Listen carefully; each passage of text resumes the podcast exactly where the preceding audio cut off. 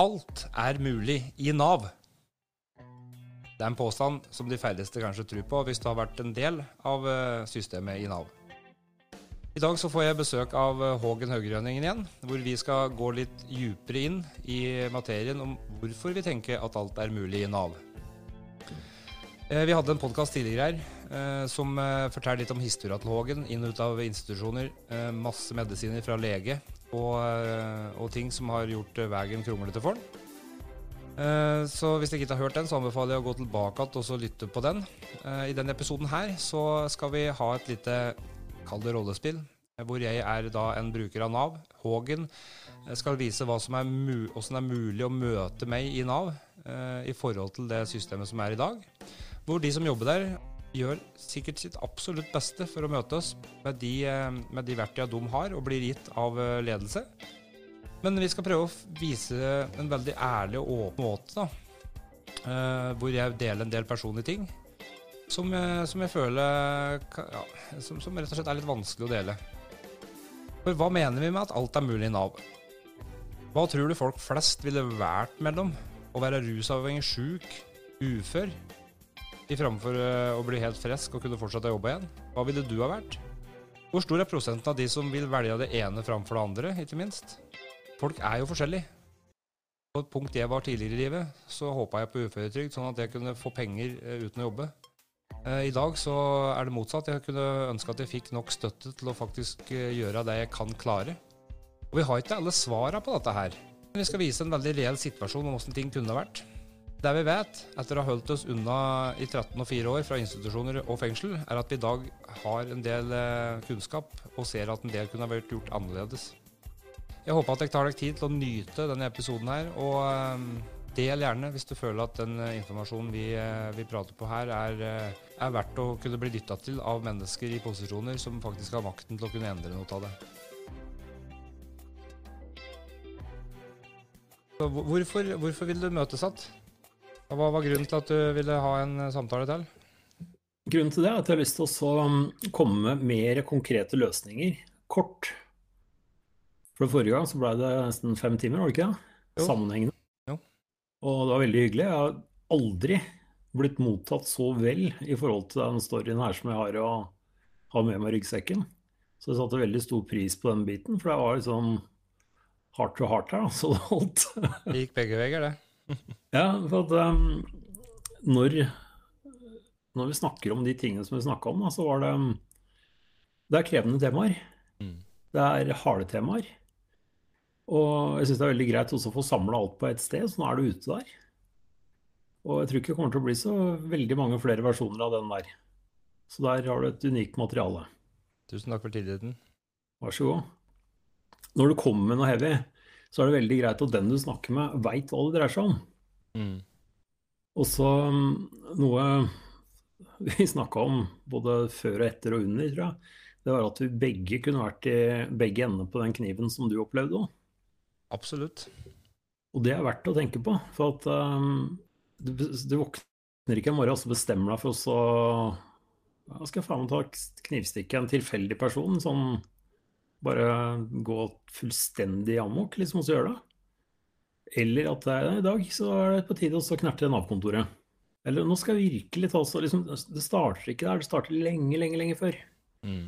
Og de handlingene der er i affekt. Og jeg er dypt takknemlig for at jeg ikke har altfor mange av de på samvittigheten sjøl. For at uh, det er tilfeldigheter som gjør at det ikke går skikkelig gærent. Jeg tenker at uh, når vi tar ansvar for oss, så renner resten av ansvaret dit det hører hjemme. Hører du si det støtt og stadig. Det var en haug med mennesker som ikke gjorde jobben sin. Og det leder til en tråd som jeg ønsker å ta opp for, også, for å dele igjen podkasten her òg. For at um, hvis du hører på bare lite klipp, da, som en av de klippene som la ut, så var det en liten snutt der som hørte på når jeg var på vei på trening i dag.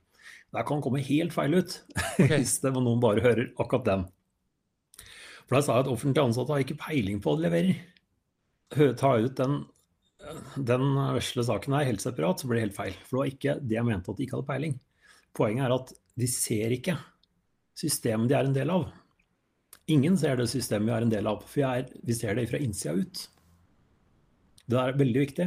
Jeg har sendt deg den eh, i en lengre blogg. Mm. For alt av hjelpeapparatet det er bygd opp rundt New Publish Management-systemer. Og det er en lengre sak. Men bloggen der, den anbefaler jeg de som er interessert i det temaet der, å spore opp. For da ser vi symptomene. Mm. Og hvis vi er en del av et sånt system, så ser vi ikke hva vi gjør, og vi ser ikke hvordan vi blir påvirka. Men det er årsaken til at uh, bl.a. Nav er den organisasjonen i Norge som har mest sykefravær. Og det er ikke bare pga. at det er vanskelig og krevende å jobbe med brukere, tunge brukere, men det er et system som produserer sykefravær. Og den vinklingen der, den uh, savner vi også å se mer av i det offentlige. Ja, du skriver jo til meg, da. Eh, bryr ikke det kommunale og det offentlige hjelpeapparatet og Nav seg om brukernes opplevelser? Bryr de seg virkelig ikke? Jeg vet, jo, jeg, vet, jeg vet, jo, at de gjør det, men, uh, for de gjør jo sitt beste. Jeg føler jo det. Det er bare at det, det beste blir begrensa kanskje av systemet bak. Helt klart.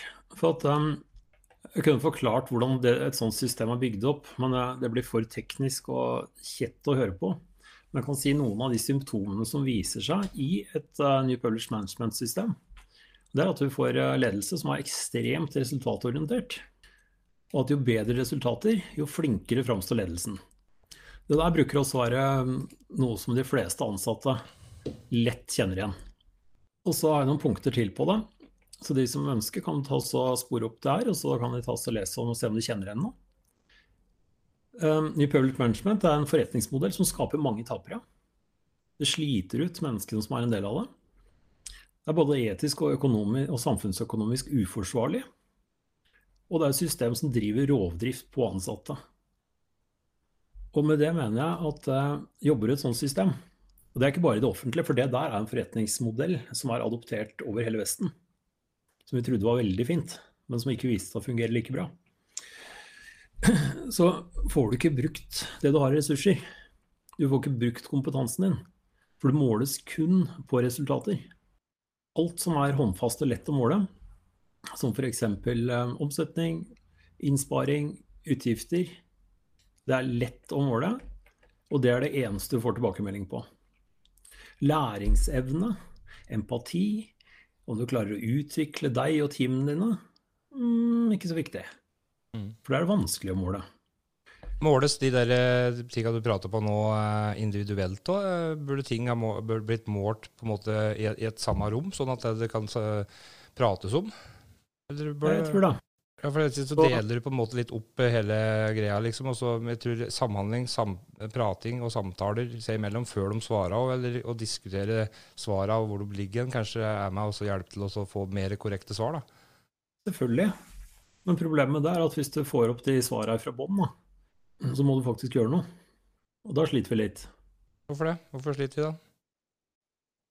For da må vi innrømme at vi faktisk har bygd opp hele systemet helt feil.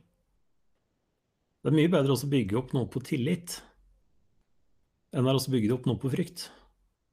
Ja, alle skjønner, skjønner, vel dette der, men, eh, men, eh, men, jeg lurer fortsatt på hvordan skal bli gjennomført. Altså, Hvem skal ta ansvaret her? Hvem er det som er nødt til å på banen for at dette her faktisk skal kunne bli gjennomført? Og hvem er det som har lyst og, og må gjøre det? Jeg tror at uh, Så lenge det ikke skjer fra toppen, så må vi ta ansvar hver for oss. Jeg skal vise hvordan hvordan jeg jobber med mennesker som spør meg om noe. Da, ikke om, da tenker jeg ikke på hvis det er noen som ber om noe krisegreier og sånne ting. Men hvis det er noe organisasjonscoaching og sånn, jeg kommer tilbake til den straks. Mm. De tingene her er noe jeg savner og så blir spurt om fra offentlig. Jeg ble spurt masse om foredraget sånn fram til 2015. Og det var kun ut ifra min erfaringskompetanse hvordan jeg opplevde ting og tang. Og så er det da også å fortelle hva som virka, og hva som ikke virka. Og det som virka, har i beste fall noen prøvd og kopiert. Men som jeg sa forrige gang, det er at uh, jeg var en av to prosent jeg, som klarte meg. Det jeg savner at noen hadde spurt meg om, ikke da, men i ettertid, det er liksom Hva er det du jobber med nå egentlig, Hågen? Åssen har du fått det her til å funke? For at du har uh, jobba med coaching og veiledning i 13 år, du nå. Uten noe Nav-støtte. Uten å ha fast ansettelse et eller annet sted. Nå har ikke jeg blitt steinrik på det, jeg har sagt. da. Jeg har reist litt for mye til akkurat det på ett sted. Men um, det har i hvert fall gått rundt. Mm. Og det funker.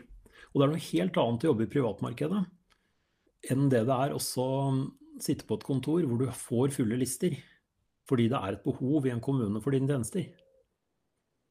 Eller at du er ansatt i et firma, og så har du Si at du har en rådgiverrolle, og så at du tar med kundene. Du starter eget firma, og så tar du kundene vekk fra arbeidsgiver, egentlig, og starter eget. Det er det òg veldig mange som gjør, og bygger opp da en coachkarriere ut ifra det. Da kommer òg kundene egentlig litt av seg sjøl, mener jeg da. Det er sikkert litt delte meninger om den biten. Men det er i hvert fall mye hardere å starte helt fra scratch med å begynne å holde workshop, foredrag og jobbe helt fra bånn opp. Mm. For da er det ingen som kommer av seg sjøl. Og du er akkurat så god som det du klarer å levere. Der er det en del ting som jeg mener at det er um, viktig å ta med seg når vi jobber med mennesker. Så jeg tenkte jeg skulle også spørre og grave litt hos deg. Ut ifra noen spørsmål jeg har med meg.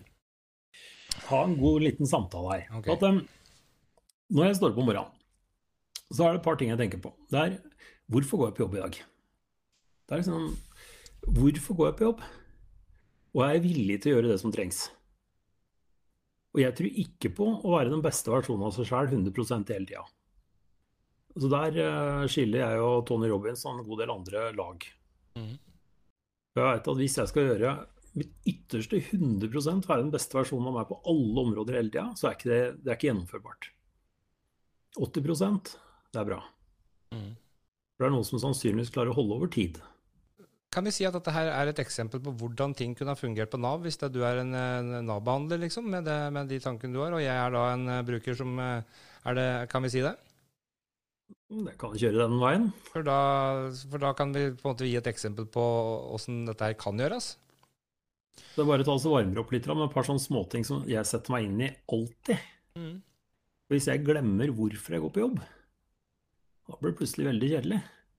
Og det her er viktig å tenke på uansett hva vi gjør. Mm. At, hvorfor holder du på med podkast, f.eks.? Hvorfor går du på trening? Hvorfor er du det forholdet du er i? Hvorfor bor du der du bor? Hvorfor spiser du det du gjør? Hvorfor fortsetter du også å bruke en, en uh, vapen istedenfor den fantastisk fine General Løsnes? Sladrehank. Uh, For det, det, er viktig å stille seg sånne spørsmål, for at da kommer vi mye mer i kontakt med hvorfor gjør vi det? Er det noe som vi bare har blitt sånn?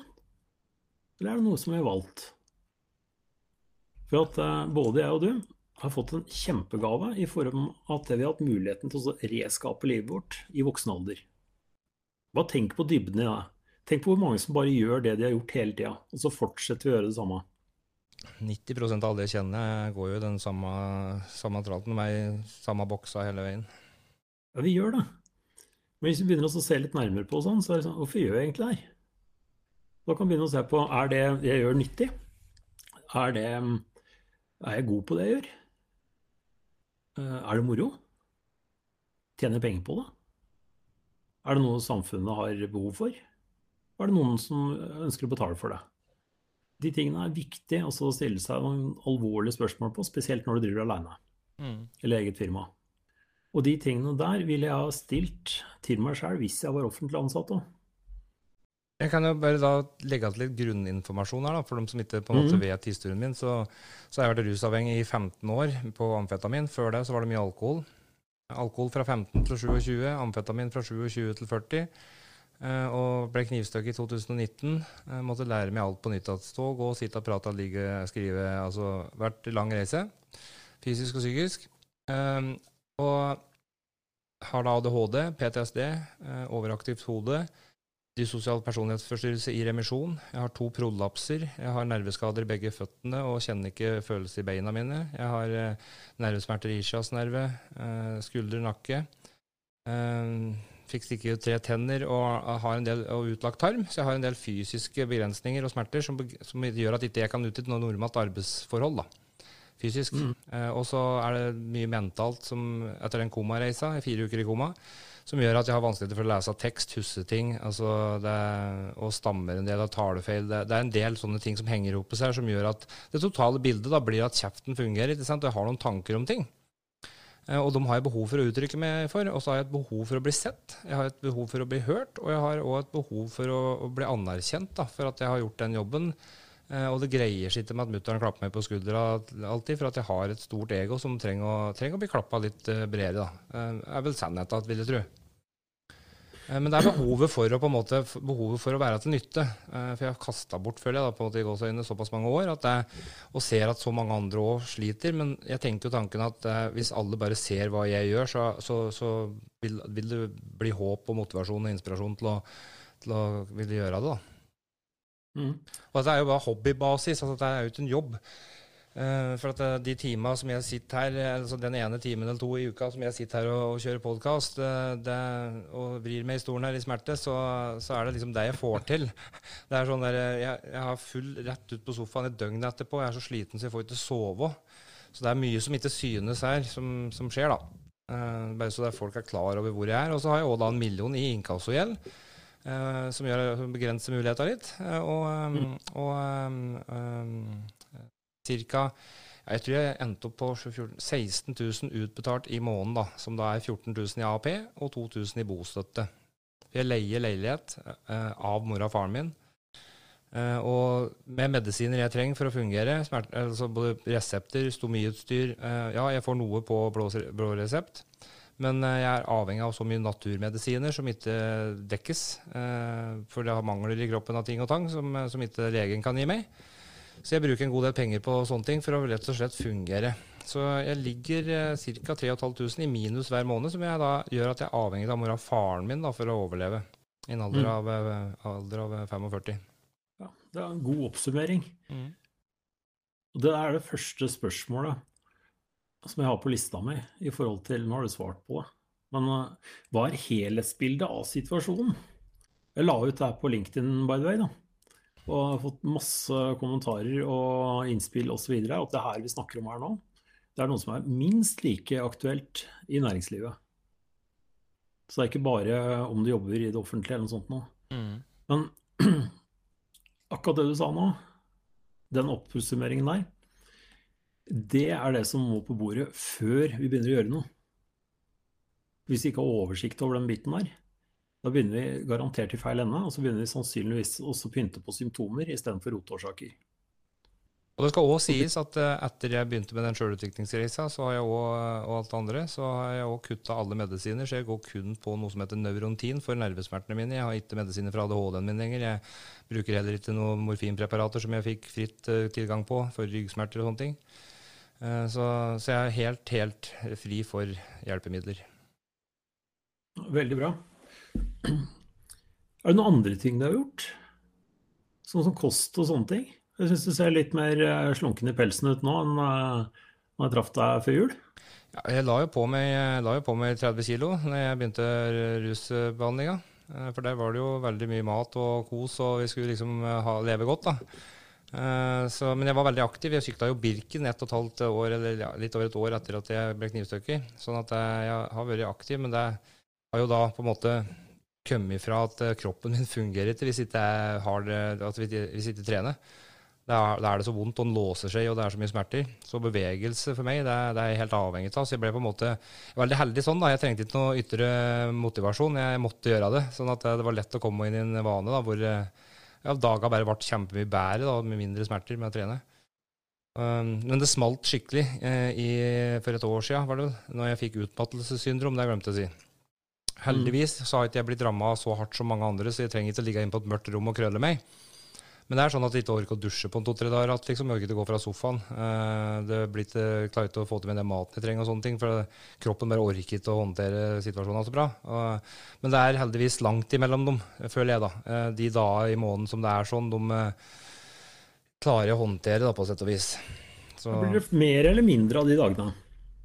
Det, altså, jeg føler at så fort jeg har treningsfri en uke på en eller annen grunn, hvis jeg blir sjuk, forkjøla, et eller annet, så kommer det fortere tilbake. Da, da merker jeg at da, da kommer den att, liksom. da, At jeg, jeg, må, mm. jeg, må, holde med bevegelse for at det skal på en måte holde litt på avstand. Men det kommer. Det, det er ikke å komme unna. Jeg merker det kommer, og jeg begynner å kjenne tingene så jeg vet hva jeg skal gjøre. liksom. Mm. Men der er jo noe som flere burde ta fatt i, da, tenker jeg. Men det er ikke så veldig unikt, da. For de fleste de blir eldre. Så i den prosessen med oss å bli eldre, da, så stivner gjerne kroppen. Så det er noe som alle burde gjøre, tenker jeg. da. Og så legge inn at du får nok trening. Mm. De fleste er ikke så aktive nå som, som det vi var for noen få generasjoner siden. Så det å legge inn trening det er jo helt nødvendig for å fungere som menneske. Nei, men Jeg har gått ned, jeg gikk på vekta i dag. Da vog jeg 103 kilo. For eh, åtte måneder siden så vog jeg 128. Så, det kjempebra. Ja, men det skjedde etter at jeg tok de naturmedisinene, når kroppen min balanserte seg og, og, tarmen begynte å ta opp de tingene han skulle, i stedet for å lagre alt, for han trodde at han var i nødmodus. Så, så bare skjedde ting av seg sjøl igjen eh, med treninga. Jeg gikk jo opp i vekt jeg, og trente sju dager i uka, liksom, eh, og spiste sunt. Jeg begynte å skjønne hvorfor det var sånn. Og så tok jeg en hårmineralanalyse, en avføringsprøve og en eh, vegatest som kartla alt kroppen min drev med. Mm. Og bare sa her har du tolv uh, forskjellige slag med, med, naturmedisiner, tre poser med sopp. Bare spis dette noen måneder, og så ringer du meg, sa han. Så ser jeg hva som har skjedd. det er kjempebra. Så. Ja, men det er gull. For at, der har du bare Alt som jeg hadde på spørsmål 1 og 2 her, har du snakka om nå. Og den praten her, hvis vi skal jobbe med noen, så er det det er helt nødvendig å sette av den tida til å bygge den tilliten. For det du starta med før du kom til trening og kost deg, det sa at du hadde behov for å bli sett, verdsatt, anerkjent og respektert. Mm. Men, men pga. ting jeg presterte, ikke pga. hva som har skjedd meg. Jeg vil ikke ha, jeg vil ikke ha Nei, nemlig, nemlig. Ja. Men det der òg er jo helt, det er helt vanlig behov. Alle har behov for å bli sett, verdsatt, anerkjent og respektert. Og bare tenk på hvor mange er det som jobber i et system hvor de opplever å ikke bli det. Altså Allerede hit da, i samtalen så har ikke møtt noen i systemet som har spurt om de tingene her. i hvert fall. Jeg føler at her har jeg en samtale med et menneske, ikke noen som sitter og skal hjem til, til middag klokka tre. liksom. Ja, for Hvis du ikke tar deg tid til de spørsmålene, så, så blir ikke jeg kjent med deg. Og hvis jeg ikke blir kjent med deg, så kan jeg ikke komme med noen forslag etterpå. Og da er jeg ganske sikker på at du kommer rett tilbake på kontoret mitt igjen. Mm. Jeg fyller ut et skjema, da, og så er det å møte opp for at det er pliktig å gjøre et eller annet, og så skal du helst ut i jobb, og så Ja, hva slags jobb da? Nei, hva som helst. Det er sånn der, Du må bare prøve hva det er du får. og sånn har det vært i 18 år da, på Nav med meg, for å si det. Jeg hadde Jeg hadde jo 40 utskrivelser fra Sanderud, da. Hvor det var akkurat de samme greiene, liksom. Og det verste jeg prøvde på, det var faen meg raka løv i, i Vålbyen. Og så barnehageassistent eller noe sånt noe. I den byen du hadde vært rundt og rasert òg, liksom? Selvfølgelig. Eh, det eneste som kanskje var litt verre, det var forslag på skogsarbeid og sånt, rett fra akuttposten. Og vinsjetømmer og den biten der. Var det noe jeg virkelig var ferdig med, så var det gårdsarbeidet. Ja? Så poenget er å finne hva er det personen egentlig har lyst til. Mm. Hva slags evner, hva er det som er der? Hvis du ikke får tak i de tingene der, så skjer det ikke. Det er liksom totalt bortkasta og så ha utdannelser, ha arbeidserfaring og sånne ting, hvis de ikke får muligheten til å bruke det og bygge på det. Og I forhold til deg så tenker jeg, hva er det som kan være til hjelp videre? Hvor er det du tenker å bevege deg? Hva er det som har du lyst til å gjøre? Få nok penger til å leve først, sånn at jeg faktisk kan slutte å bekymre meg over det hver måned. liksom. Uh, og jeg klarer ikke å ha en jobb, uh, fysisk jobb, sånn som det har vært nå, om jeg tjener penger. Og da blir det nærmeste jeg kan gjøre, det er faktisk foredragsholdning, for det betaler bra. Og så trenger jeg å jobbe lite, men det krever lange forberedelser. Og, og friend-touring, som uh, du gjør med meg nå, hvor jeg lærer ting. Altså jeg må omgi meg med folk da, som jeg lærer av. Um, og der er jo Nav litt sånn derre Ja, uh, hvis du skal gjøre det, så må du innom et kurs hos oss. Uh, du kan ikke bruke Hågen eller Arman Westad eller noen av de flinke kjente som har gått akkurat samme veien før deg. Vi, vi, dekker ikke det. Men vi har et kurs her som er neppe på grønn trapp, hvor du da lærer Altså litt ute i skogen og tenner bål og, og sånne ting. Jeg liker og, og er helt avhengig av å ta én ting av gangen, for at huet mitt klarer ikke å, å Altså, jeg, klarer å multitaske, men det, men det gjør det ikke bra. Altså, skal, og jeg vet at med den, de personlige utviklingskursene jeg har tatt før òg, så har jeg brukt sabla lang tid. Men uh, jeg konsentrerer meg om den jobben og går fullt inn for den, for jeg vil ikke ha noen forstyrrende elementer ellers. Men et forstyrrende element i seg sjøl, si er jo nettopp den der pengesituasjonen, eller økonomiske situasjonen jeg er i. for det nå er jeg inne i en, Det er rett før saken blir sendt til han legen i Nav, som skal avgjøre om jeg skal uføretrygde litt. Mm. Jeg, jeg, har, eh, jeg, har, 1400 sider med legejournaler fra, fra, fra 1984. og fram til nå, med situasjoner jeg har vært i, med sykdom og fordervelse og feilmedisineringer og diagnoser og, og det, gjennom livet. Eh, sånn at eh, men allikevel så har jeg vært kalt inn i to møter med Nav nå i senere tid. Hvor jeg har hatt med meg søstera mi, for jeg klarer ikke å møte Nav. Og det har ikke noe med saksbehandlerne å møte, for de er helt fine. Uh, det, det, er klart Jeg har møtt saksbehandlere som har gitt meg motstand, men da har kanskje ikke jeg vært så enkel å ha meg gjort til. For da var jeg ute etter noe annet enn det jeg var nå. men, uh, men, uh, det, men, men, de jeg har møtt i senere tid, de siste fire åra, har jo absolutt på en måte gjort det de på en måte føler de klarer. da. Men det at jeg må ha med søstera mi, det handler om, og det, det er jeg glad jeg hadde siste turen. For det ble først tatt inn i møte. Nå skal vi sende inn saken din. Nå har vi nok dokumentasjon, og vi går for uføretrygd. For at vi ser her at det, det er det mest lønnsomme. Eh, og, og, det er det du trenger kanskje for å få orden på den økonomiske situasjonen din nå. Sånn at mm. her får du da eh, en sikker lønn som kan gjøre at du kan få gjeldssanering. Eh, fem år med gjeldssanering, så er jeg gjeldfri. Eh, og som passer helt fint, fint inn i 50-årsplanen min når jeg har tenkt å på en måte være gjeldfri. Og jeg har og muligheten til å på en måte fortsette å utvikle meg. Det er ikke sånn at jeg setter meg til med den uføretrygda og lever lykkelige dager på den. Jeg skal fortsatt uh, forfølge målet mitt om å bli en foredragsholder, men da har jeg på en måte flere år å gjøre det på. Altså, jeg, mm. jeg kan bruke to år da, på, i mitt tempo med den tryggheten om at jeg nå har jeg mat og betaler husleie og strøm og alt dette der, og jeg slipper, jeg slipper å tenke på noe annet. da. Uh, men uh, sånn at jeg, jeg, håper at de kommer fram til at jeg, at jeg får en uføretrygd. Sånn for vil, altså da begynner jeg å grine, tror jeg, hvis de ringer og sier jeg får det. For det som skjedde på det siste Nav-møtet, var at de kalte min igjen enda en tur, for at de hadde fortsatt ikke nok. Uh, for, for, legen hadde ikke sagt at det her er grunnen til at han skal uføretrygdes, for at har, han, er, han, har en sak her. Altså Det er noen og 30 mm. saker, altså ting, da, diagnoser og saker med skader Eh, at de, de eh, har slett utfordringer med å få det til å passe inn i systemet deres. Så det ser ikke bra ut på arket. Da for at, eh, da er det lettere mm. sagt at ok, ryggen hans er så vond, og han har, en, har en, to prolapser som gjør at det er fysisk arbeid det er helt umulig. Uh, og det har han sagt, legen. Det er, men det henger jo sammen med Og så kommer den andre setningen bak. Uh, som, som, gjør at det, Men uh, det henger jo sammen med de andre tinga. Og da tror jeg de, de, sliter med å få tak i da, hva de på en måte skal gjøre her for at dette skal se riktig ut på papiret. For det går jo tilbake på legen eller saksbehandleren min, hvis ikke de har gjort en grundig nok jobb eller riktig nok jobb. Mm. Så enda på visa var jo at det er legen min da, han sa jo bare jeg skjønner ikke hva jeg gjør i dette møtet her, for jeg, jeg har svart på alt jeg lurer på, og dere roter rundt i en grøt på det. Det er bare å gå tilbake til papirene til 2002. Det begynte der.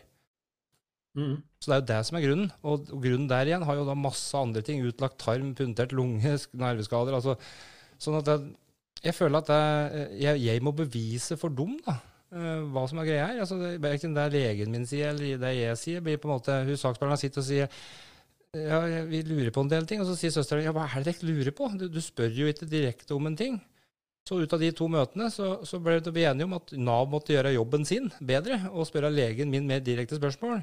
Og da knekker jeg sammen og begynner å grine. At det er en måned siden. Da sier jeg bare unnskyld, men nå må jeg gå. Mm. Da ble jeg, dårlig, da ble jeg dårlig til å sitte og gå gjennom saken min enda en tur til og prøve å si at dette er så Altså, jeg, jeg blir dårlig av det. Selvfølgelig, det høres kjent ut. Det er de tusen utredningene som jeg har vært gjennom og sånne ting. Det er samme greia. Har du tatt også spurt, eh, ikke spurt, men krevd? Jeg krever at dere kommer med de kriteriene dere trenger for å kunne fatte et vedtak her. Og at du får det skriftlig, på, skriftlig fra dem før møter. Hvilke kriterier er det dere trenger for å kunne fatte et vedtak her? Hvor mange? 1, 2, 3, 4. Hva slags dokumentasjon er det dere trenger? Hvis du ikke har det, så blir det bare at du spiller pingpong med dem. Ja, det ble satt en sånn standard, og da skulle legen mm. være med inn for å svare direkte. For jeg sa jeg kan ikke være noen mellommann her, så jeg er ikke noen lege, jeg er ikke noen behandler. Jeg, jeg, jeg, må du spørre legen min om, og da tok vi et møte med han. Som da òg bare endte opp i at hun hadde egentlig ikke noe gode spørsmål. Det var bare at han le, legen da, som skal ha saken, han hadde bare sagt at det trengs mer konkret informasjon her. Ikke sant? I all verden Det her var på lista mi, by the way. Hvilke samarbeidspartnere er det vi har? Hva er det de gjør? Hva er det de trenger? Og alt de tingene der. Spill tilbake til legen. Hva slags konkret informasjon er det han trenger? Ikke vi trenger mer informasjon. Det er liksom Jeg trenger mer luft. Mm.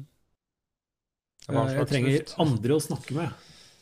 Nei, men jeg, jeg, kjenner bare da jeg sitter og prater på det nå Jeg blir sånn der, åh, jeg blir så sliten av det. liksom. Sånn der, jeg er så lei av å sitte og prate opp igjen og opp igjen på de samme tinga. Liksom. Ja, jeg følger. Vi skal ta, ta den videre her. Nå, bare så det er sagt da, nå, nå, ja. nå, jobber de jo med akkurat den biten her. sånn at de er jo inne i den prosessen med å sende det direkte til legen min, hvor han nok en gang da må svare på. Men da blir det forhåpentligvis litt mer konkret, som du sier. Det der er ting som den saksbehandleren du har, da. Det er jo i hennes eller hans interesse altså vite de tingene hva legen kommer til å spørre om. Så det jeg aner, da, det er at det er dårlig forberedt i alle ledd og ender. Ja, og det, og det, det sa jeg til hun òg, at jeg, jeg, skjønner jo at du sitter med en barken og ven her. For det første så er du da tatt inn som ny i saken. Det er mine første møter med deg. To første møtene jeg har. Det andre begynte jeg å grine og brøt sammen på og gikk ut av kontoret der, liksom. Eh, eh, og det første møtet så, så, så, så opplevde jeg òg at det var veldig rotete. Du hadde et massivt ark, men det er ingen som har gitt hun jobben hun skal gjøre. Hun må nesten finne ut av den sjøl, virker det som. Mm. Og Hun var jo da ny i saken, for den saksbehandleren jeg har hatt de siste tre åra før deg, som kjente saken min, han er jo en annen plass. Gud vet hva han er. Ja, hun kjent ut. Bra folk i Nav, de blir slitt ut veldig fort.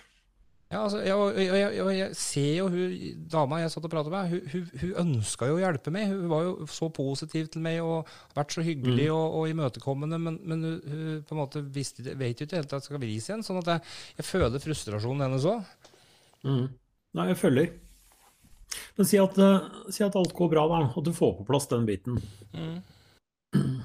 Hvilke andre utfordringer er det som ligger uh, i forhold til det å utvikle deg til foredragsholder da? Det, det, det, står litt sånn på penger. Jeg tror at Hvis jeg hadde sluppet å være minus hver måned, så hadde det i hvert fall vært en god start.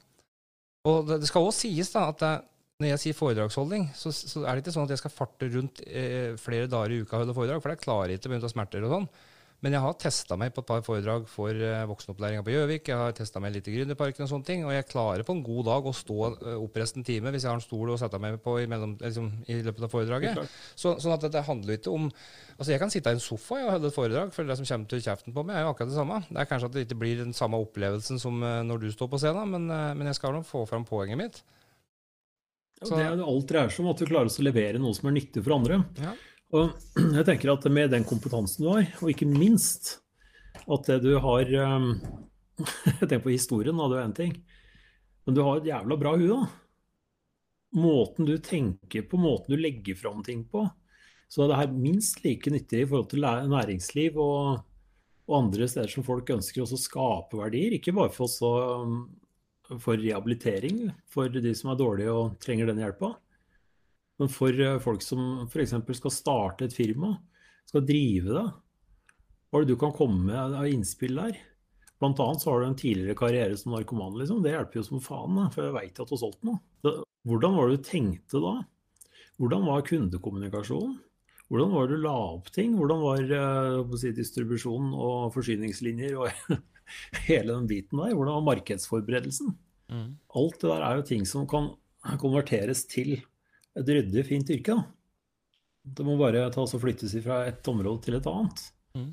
Da er vi inne på det som Arman snakker om, at det er gull i CV-en. Ikke hull i CV-en, men gull i CV-en. Gull i CV er gull? ja, kan være. Har hørt, du har vært med meg på trening flere dager i forrige uke. Så jeg hørte jo på de første podkastene når du hadde soloopptreden. Og jeg syns det var veldig fint å høre på måten du la fram de tingene på, rolig, pent og pyntelig. Jeg vil utfordre deg til å få samla det der i en bok. Ja. Om du får konvertert det til tekst, til tekst eh, med et eller annet teknisk hjelpemiddel, eller om du finner noen som kan skrive det ut, eller et eller annet sånt noe, så får du bearbeida veldig mye av historien din, og så får du lagt den til ro. Mm. Og det er nødvendig, tenker jeg, for oss å komme videre. For ellers så graver du de samme tingene hele tida og det er ekstremt slitsomt. Mm. Når jeg ser det nå etterpå, så ser jeg at én ting var at det var nyttig. Andre var at hvis jeg hadde tatt bedre vare på historien min og gjort ferdig den tidligere, så kunne jeg kommet bedre unna det. Mm. Jeg hadde ikke trengt å nesten jobbe meg i hjel og gå på en ny smell. Ja. Så det er veldig viktig at du tar og går gjennom den biten. Mm. Og så tar du rydder opp, så at du kan komme videre. Uansett, når vi gjør det sånn, så ser vi tilbake at det er en del vaner og uvaner vi har med oss fra langt tilbake. Ref det du nevnte tidligere, at du skulle slutte med, med vaping på mandag, var det vel? Ja, det var du som fikk meg til det nå, før vi begynte opptak her. Så nå må jeg slutte på mandagen, liksom. Så, ja. Men jeg trenger å bli utfordra på det. Absolutt. For da kan du se hvor kom den vanen ifra? For det er jo snakk om stimuli. Mm. Og det er snakk om overstimuli. For hvis du øh, bruker både den dampsaken og så snus og så litt oliver i tillegg, liksom, trenger bare én av dem. Ja. Og den som er da lagd av kinesiske kjemikalier versus uh, rein, fin svensk tobakk, jeg er ikke i tvil om hvem jeg ville valgt. Nei, jeg, jeg, vet jo at det er, og jeg er helt enig med deg. Så det, det er helt nødvendig å gi seg med dette. Så ja. ja, vi slutter på mandag med vaping. Det er en avtale, det. Ja. Da ser du tilbake på livet. Når var det du begynte å dra på sånne vaner? Og da tenker jeg ikke på snus eller nikotin, men liksom, når begynte du å utvikle en avhengighetspersonlighet? Hvor er det den kom fra? Hva var årsakene til det? For det, det veldig, Når du ser tilbake, så er det veldig ofte at det her er en um, forsvarsmekanisme mot et eller annet. Og så ser vi at den årsaken den er jo ikke der lenger. For nå er vi voksne. Og Da er det mye lettere å legge ting til ro. Da er det bare en vane som er dratt med. Jeg har jo en Da var det kanskje et behov. Jeg, jeg har jo en tanke om det, for jeg har jo undersøkt den reisa der. Yep. Og det er jo Jeg tror da eh, at er- kommer fra en eh, medisinering av en epilepsi i barndommen da jeg var sju. Utleva 16. eller hva det var. Mhm. Eh, Hvor det ble gitt eh, 1000 mg morfril, som igjen er et veldig, eller en tablett da, som gjør deg veldig trøtt, sliten og overvektig. og ja, Du kjenner jo til det. Det, er- det samme som å ta en sovetablett, nesten. Du bare blir helt der resten av dagen. Mm. Og eh, mye fravær på skolen og sånne ting, og dårlig gym og la på meg mye vekt og sånne ting. Og jeg tror at det, når jeg slutta på det, så var det ingen som fortalte meg at jeg skulle trappe ned eller gå av de tinga der. Så jeg bråslutta for å få lappen. og og kjente jo da på at eh, det, det jeg, kjente, jeg, måtte, jeg måtte bli nykter nå, da, for å kjenne igjen følelsen. Så den kjente igjen eh, når jeg, når jeg gikk til amfetamin. Så, så ok, dette her er jo litt samme følelsen jeg hadde når jeg var liten, når jeg begynte å drikke, i stedet for å ta de medisinene. Men jeg skjønte ikke at det var pga. at jeg sluttet på medisiner. Så jeg tror det kommer derifra. Ja, Og nå er det en ny situasjon, og da er det mulig å legge det til ro. Nei, men det er ferdig pratet. Uh... Ja, good. Mm. Eh, Så Hvilke utfordringer ligger i å nå de målene her? Det er en del. Hva er det som er direkte problematisk? Det står på lista mi. Og det har du sagt litt om, for jeg tenker på Nå har jeg litt mer utfyllende stikkordsliste enn det jeg sendte over til deg.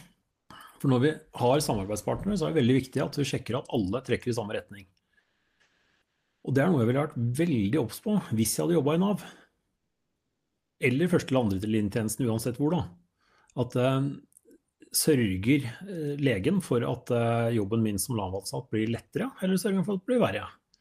Sørger de som eh, jobber med behandling i institusjonen for at det blir lettere, eller gjør de det verre? Gir de meg den informasjonen jeg trenger? Kan jeg spørre om noe? Blir jeg møtt på ting? De tingene her er veldig viktig å hjelpe folk å legge til rette sånn at det blir gjort. For at i et system så er det alt ifra kunnskap, kompetanse, ekspertise, til at vi ikke kan nok, og at vi ikke veit. Og så har du kanskje en god porsjon med arroganse i tillegg. Og naivitet, ikke minst. Mm. Når vi rører sammen det der, så veit vi ikke hva vi får ut. Jeg kan jo svare deg da på det med institusjon, for det, eller var, Ja. når jeg var i rusbehandling. For jeg, jeg føler det er viktig å si det òg. Når jeg gikk i den uh, behandlinga i kommunen, så, så sa jeg at jeg hadde veldig lyst til å starte samtaler som gikk utover det vi gjorde der da, med det programmet. For at jeg kjente at jeg hadde et behov for å prate ut om, om mer eh, djupere ting som, enn det vi delte i ringen der og, og sammen hver for oss. Og de Mm. oppgavene jeg jobba med. For at jeg følte at eh, ja, det, det hjertet meg. Jeg kom inn i en struktur, jeg fikk rutiner. Det var, var fint på den måten. At jeg, jeg fikk litt sånne ting jeg trengte. Eh, og jeg fikk eh, noe å gå til, ikke minst. Tre dager i uka. Um, og etter at jeg begynte hos psykologspesialist mot dems anbefaling, da, for de ville ikke at jeg skulle begynne med det i tillegg, for det kom til å forstyrre, de. Altså, men, men følelsen min sa jo at jeg trenger å prate med noen som, når det ikke sitter masse folk rundt meg. Jeg trenger å komme Mm. til bunns i en del ting her som er bakenforliggende. Uh, som jeg føler at jeg må løse opp for å på en måte komme videre i, i programmet deres. Uh, og dette sa jeg til psykologspesialisten min, og han bare Jeg skjønner ikke hvorfor det skal være sånn. Altså, altså, alle de der modula alt dette de, de vil ikke sende folk hit og, og sånne ting. Og så føler jeg at jeg nesten hjelper dem mer på, på, på det som skulle vært plass først, da, på en måte. Mm. Eh, Der kan det være delte meninger om, og det vet jeg ikke igjennom. Men, men eh, jeg, når koronaen kom, så benytta jeg meg grovt av den situasjonen. For at eh, han ville jo fortsatt møte meg, for at vi kunne møtes på avstand. Sånn at da merket jeg da hvor godt det var å kunne gjøre. uten at jeg, og, og kom jo ikke inn til rusbehandlinga på mange måneder. Og når da dem åpna igjen, og jeg skulle tilbake dit, så var det sånn der Jeg er kommet så mye lenger enn en dette her. Eh, å gå tilbake av hit nå, der føler jeg et skritt tilbake igjen. Samtidig som samvittigheten min sa at jeg, OK, gjør du det du har advart deg mot nå hele tida? Eh, tror du er lenger enn du er? Som jeg forstår veldig godt bekymringen for, men de skjønte ikke, skjønte ikke de forsto ikke hva som skjedde oppi huet på meg. Det, jeg, de klarte ikke å Og hadde bare dum samtaler imellom. Hadde, hadde bare han tatt telefonen og sagt OK, hva er det Asbjørn gjør hos deg nå? For jeg har jo signert eh, taushetsplikt av at de kan ringe den. Alle ledd. Ikke én telefon var tatt på to år. Wow. Eh, Så hvorfor var det ingen som ringte psykologspesialisten og sa OK, hva er det dere driver med der nå, da? Eh, Kan dette fungere sammen med det en gjør her, liksom? Hvorfor var det ingen som gjorde det? Hvorfor måtte jeg fly rundt og finne ut av det sjøl? Ja, det er den ene. Og så den andre er at um, den her er litt lei, da, når du jobber som veileder, terapeut eller saksbehandler eller hva som helst. De du hjelper, hva skjer i deg når du sitter med en uh, figur foran deg som har større potensial enn deg sjøl? Ja, den er god. Ja, men ta Kjenn litt på den der, Ja. for den der er høyst reell. Ja, det, det er, Når du sa dette nå, så er det sånn der, OK, her sitter en sprøytenarkoman, kriminell sprøytenarkoman som har blitt knivstukket og tjohei, og han skal ha en drøm han om å kjøpe et hotell til 70 millioner. Altså her, må vi, her må vi lande noe uh, greier og få den ned på landjorda, liksom. Jeg fatter, uh, hvis Ikke ta bort drømmen min, da, i hvert fall. For at um, de tankene og følelsene der Undervei i min utdannelse så har jeg hatt veiledning hele veien eksternt. Og det er helt nødvendig når du skal jobbe med folk. Du trenger veiledning. Ja, Da prater vi om veiledning utafor Nav-kontoret. Ja, definitivt. Ja. Jeg snakker om veiledning utafor det institusjonen eller det skolesystemet som jeg tok utdannelsen min i. For jeg ønska veiledning fra noen som jobba i næringslivet. Mm. Så jeg hadde begge deler, eller ikke bare begge deler, jeg hadde fra alle bauger og kanter. For da er det en del sånne småting som er verdt å tenke på. Det ene er at alle kunder er ikke for meg, og jeg er ikke for alle. Å våge å ta den der og la dybden i den der synke inn, den er viktig. Det kan du ikke gjøre som saksbehandler på Nav. Men en annen ting er også å se at ok, de som kommer, hva om den personen her har kanskje mer utdannelse? Tjener mer penger eller hva som helst? Hvis du ser på hjemmesida mi, så er alle som er i det stjernegalleriet der, de er dyktigere enn meg på sine felt. Alle sammen. Men det er ikke det de kom til meg for. De ønska altså dypere på personlig utvikling. De ønska altså å få utvikla det som var inne isteden. Mm. Men sånn tenker veldig få som jobber i en del andre systemer. Men sånn må du tenke det når du jobber i private. For det er helt naturlig at de som kommer, er bedre enn deg. Og sannsynligvis så tjener de hinsides mye mer òg. Og det der er noe som trigger oss mennesker, da. Og jeg husker når eh, Det var vel første, ja, første runden da er på Sandrud. Ikke rus og den biten her, liksom, det er Hågen del 1. Nå snakker vi om del 2. Jeg hadde jo gjort alt jeg kunne for å henge fast i en, eh, i en eh, masterutdannelse, eller sånn spisse lærerutdannelsen min med kommunikasjon, samhandling og relasjonsarbeid på Lillehammer, het faget. Og det varte vel en måned eller to før det bare rakna fullstendig hos meg. Så det var aldri gjennomført, men bøkene ble kjøpt da. Og det var det jeg jobba med å skrive på når det snappa fullstendig i huet mitt. Og det var det jeg prøvde å lappe sammen når jeg kom på Sandrud. Så satt med masse dokumenter og papirer og, og sånne ting. Og sa det her er det jeg ønsker å gjøre. Og jeg sa, Men stakkars deg, da. Du klarer jo ikke å lese avis engang, du. Nei, jeg er fullstendig klar over at jeg ikke klarer det nå. Men jeg skal love deg at jeg skal ikke fortsette å være i den situasjonen her. Mm. Problemet der var at da var det sånn uh, fear and loading, Las Vegas-stemning inni huet mitt. da. Så funksjonell psykose heter det på finspråket. Så liksom, wow, så jo ting bevege seg.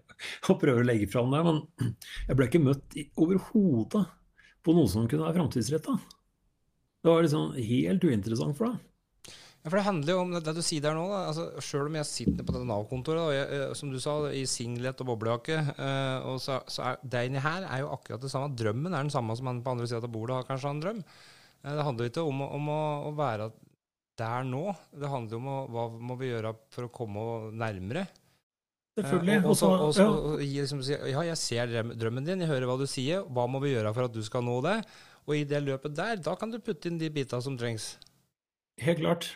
Du trengte, ikke engang å nå det målet. Du trengte bare å oppnå det engang. Det er det er bare Nei. drømmen din. Den må bare henge der som en sånn gulrot. Ja, altså Bare sørg for at på vei dit, da, så sørg for at du lærer deg litt om kosthold, så får du stramme opp et par ting. Sørg for at du gjør det som trengs for at eh, rus ikke er et tema lenger. Sørg for at du får på plass den treninga som trengs. Så kanskje, kanskje planen endrer seg, men du har i hvert fall fått på plass det grunnleggende der. Ja, for Det er også viktig å si, da, at og nå skal jeg bruke et ord, eh, eller et uttrykk som jeg har lært en, eh, som jeg begynner å kjenne litt nå. at når, eh, når du følger drømmen din der, da, så vil du se da, at det, da vil andre ting ha dette på plass. For hvis du skal opp tidlig om morgenen, så, så må du kanskje begynne å trene og aktivisere litt for å, for å klare det. Du må spise litt annerledes for å få energi og sånne ting. Ja, og det du sier der, det, jeg tror det der er eh, så Det har jeg egentlig aldri snakka mye om, men i hvert fall det der tror jeg er grunnen til at jeg ikke drikker i dag. For at um, jeg har jo prøvd for fra 2010 var det da testa jeg åssen funker det her, liksom. Er det edru et år. Er Et par år før det en som er edru, vel å merke, for å få ta med det. For det er liksom litt av og på her. Men jeg har vært i hvert fall nykter og fin et år, og så skal jeg teste åssen det her funka. Og det var jo akkurat som før. Vanene var jo det samme. Jo rett ned på kakadu og så ta en tre-fire øl. Og i visste skal jeg ta en tre-fire, så kan jeg like gjerne ta, så ta 20 når jeg først er i sving, og så går jeg hjem og legger meg etterpå. Og dagen etter så tar jeg også reparerer med en sixpack, og så er det that's it. Og det var det. Men den opplevelsen av å gjøre det, det var sånn liksom Faen, er det her nødvendig? For det første så har jeg smakt på det å jeg edru et år, og det kjentes bedre ut. Og jeg bare kjenner at ok, de mønstrene her, er det der det jeg har lyst til å gjøre? Og det føltes så dødt og vissent i forhold til det jeg gjorde på andre sida. Ja. Da hadde jeg fått opplevd også Jeg opplevde at det kom folk på, kurs, på kursene mine. Jeg opplevde at eh, jeg kunne gjøre noe bra noe for andre. Jeg opplevde at eh, folk spurte meg om ting, og så fikk de vettuhusmars som de var interessert i å betale for. Det versus å sitte og så bare rølpe på kakadu, liksom. Mm. Eh, Ikke mye verdt. Og da tenkte jeg, for da var det en par småting jeg hadde glemt. Hvor lenge sitter egentlig fyllesyken i? Den eh, tok i hvert fall ei uke da, før jeg var noenlunde i vater igjen. Og så tok det ei uke deretter igjen før jeg kunne føle ordentlig. Ja, For det blir følelsesmessig avstumpa, rett og slett. Nettopp. For at da har jeg brukt et år på å lære å bruke sansene mine når jeg jobber med folk. da. Og jeg hadde fri hele uka etter, så det var ikke noe, var ikke noe trøbbel der, liksom. Men jeg merka uka deretter igjen at da måtte jeg tenke når jeg jobba med folk, istedenfor at jeg bare kunne føle. Jeg måtte sitte og liksom gnu fram hva er en god løsning her. Det var mye mer slitsomt enn å ha tilgang på hele registeret. Så det der la jeg da bak meg, og så var det vel da en dundrende kjærlighetssorg året etter, tenker jeg. Og da tok jeg også og gjorde akkurat samme turen en gang til. Akkurat samme mønsteret, akkurat samme opplevelsen. Og tenkte, der tror jeg vi tar kjærlighetssorg alt på sparket, for alt er bedre enn det her. Og det var liksom alt jeg hadde i livet, det var bedre enn det jeg hadde brukt nesten 20 år på tidligere. Det var en oppvåkning. Nei, men altså, det, det igjen, da. Nå sporer vi å ta i hendelser vi har opplevd. at Jeg føler at der, de, planene vi legger om ryddighet og struktur, eh, det glir fort over i, i, i mellommenneskelige relasjoner her og samtaler som er dype. Og det er jo akkurat dette her, da. Altså, nå har vi prata en time og 17 minutter.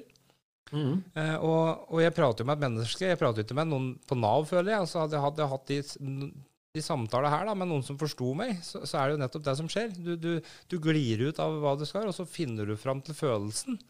Altså, det har ikke noe, med, ikke noe med det vi skal skrive på arket å gjøre i det hele tatt. Ikke, det, det er ikke å krysse av i bokser på Nav om at ok, du det er kassa på Rimi. Eh, her, her prater du med meg, da, og hva jeg føler, tenker, drømmer. Og du deler ikke minst informasjon tilbake som gjør at jeg blir sånn Oi, her er det noen som vet hva de prater til. Absolutt. Jeg følger, jeg følger det samme skjemaet. Den praten vi har nå, den ville jeg ha brukt litt en røff liten time på. Hvis det hadde vært en vanlig setting. Men nå altså, hadde jeg ikke tatt egne røverhistorier like fullt, da. Nei, så klart.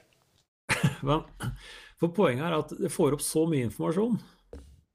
Du åpner, gi... du åpner opp meg, og du åpner opp meg med å åpne deg sjøl. Og det er jo akkurat dette her jeg prater på. Erfaringskompetanse. Vi må få erfaringskompetansen inn i kontora. Inn i, i, i, i rollene.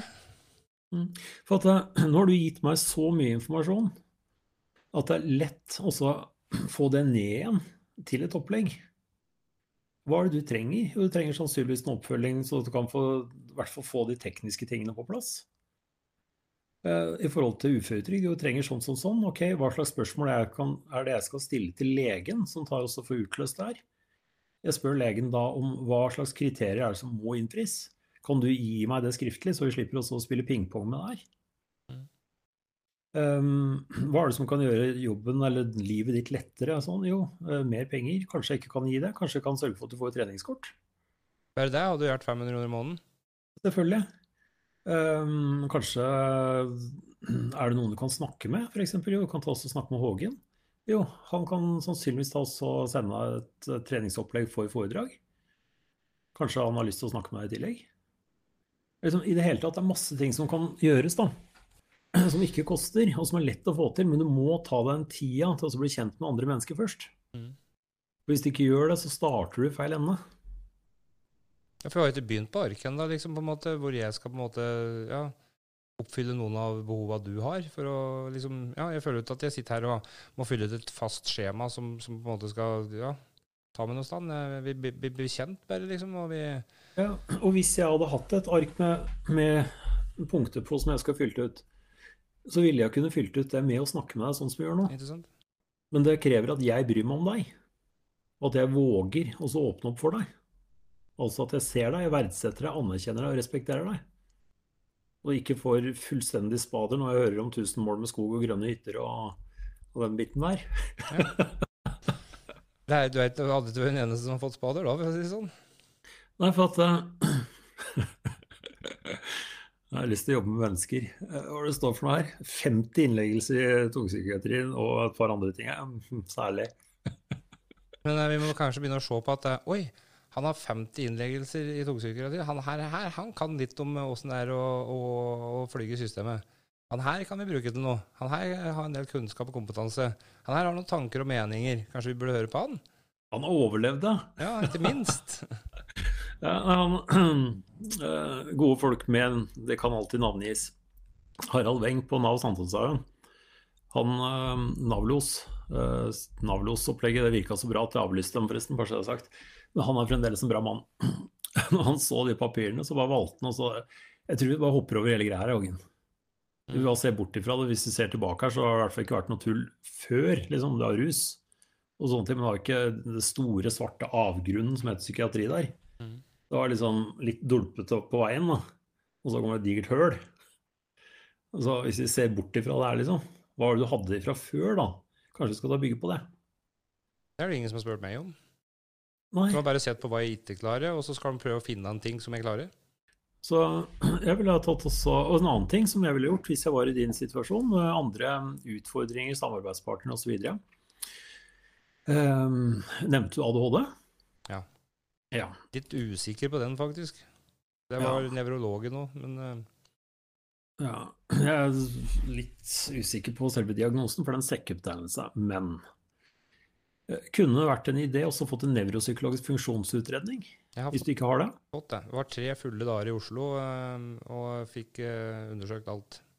Ble det noen konklusjon på det? Ja, ja. Altså, dette her høres jo litt ut som skryt, da, men det var nå det det var som ble sagt. Ja, Um, men det er bra det vi vil høre. Ja. Skryt er bra. um, Vært på selvskryt, for da kommer det fra et oppriktig ekte sted. jeg endte jo da opp med å um, eh, bli sendt ned til Oslo. Mutter'n var med meg ned til Oslo, eh, og søsteren. eh, hvor jeg gikk gjennom alt av sånne kognitive og alt dette, det intelligenstester, IQ-tester, åssen du løser problemer, husk og alt dette der. Hvor de konkluderte da med at hvis, så Han sa det jo rett ut, da, han legen, at hvis du hvis jeg hadde putta 100 stykken inn i et rom på samme alder med deg, så, så er du han sa, Da viser IQ-tester og funksjonsevner at du er smartere enn eh, 80% av dem. Så du ligger veldig Mm. høyt. Du er intelligent, snartenkt, du er løsningsorientert. Uh, men igjen, det gjør òg at diverse andre ting, da, som, uh, som korttidsminne og hukommelse og oppfatte tekst og sånne ting, det, det er det ikke plass til på huet ditt. For det skjer så mye annet der. Uh, I tillegg så, tillegg så altså, sånn at at nå har vi ikke utreda fra ADHD, men jeg syns den, den, hører ikke hjemme her i det hele tatt. Sånn, for det er ingenting som tyder på at du har ADHD. Du har et veldig overaktivt hue.